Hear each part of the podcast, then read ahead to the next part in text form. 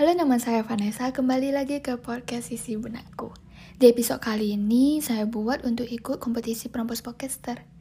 Bagi yang belum tahu, pembawaan podcast ini mungkin sedikit melo, tapi ya cocok untuk menemanimu bekerja atau rebahan sebelum tidur.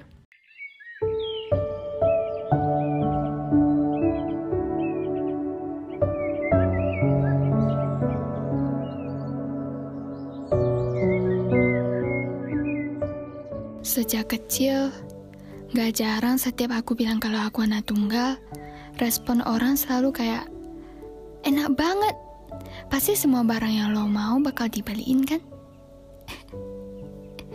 iya, benar. Apa pun barang yang aku minta, selalu dikasih.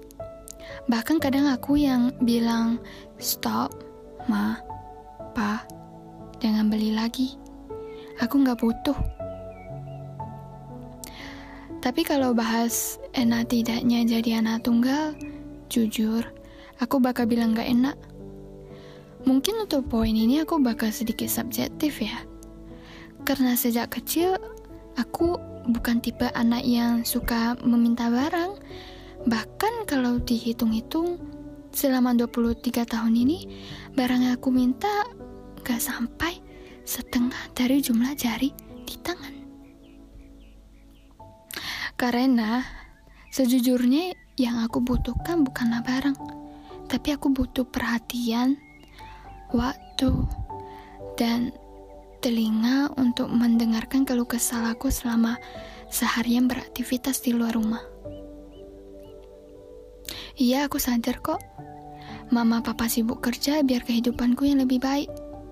Aku bersyukur.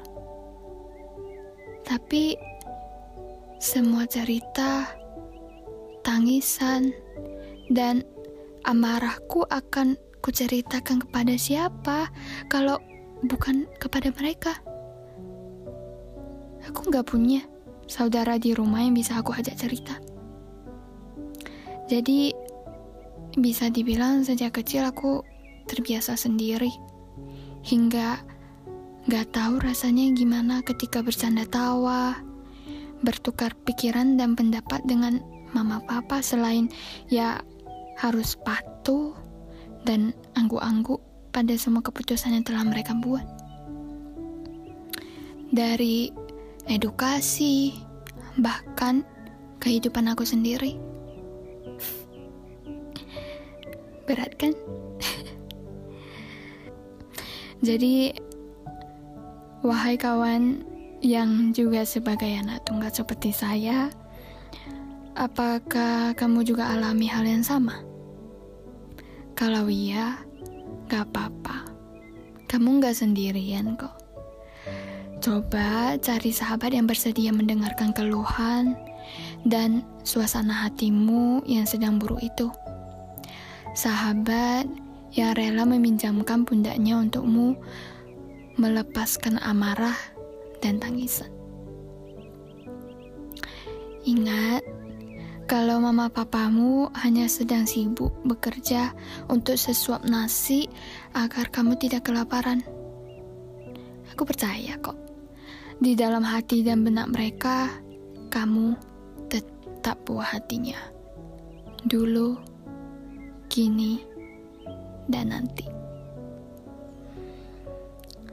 So, thank you so much karena sudah dengar keresahan hatiku di episode kali ini. So, see you on next episode untuk cerita keresahan hati lainnya. Bye.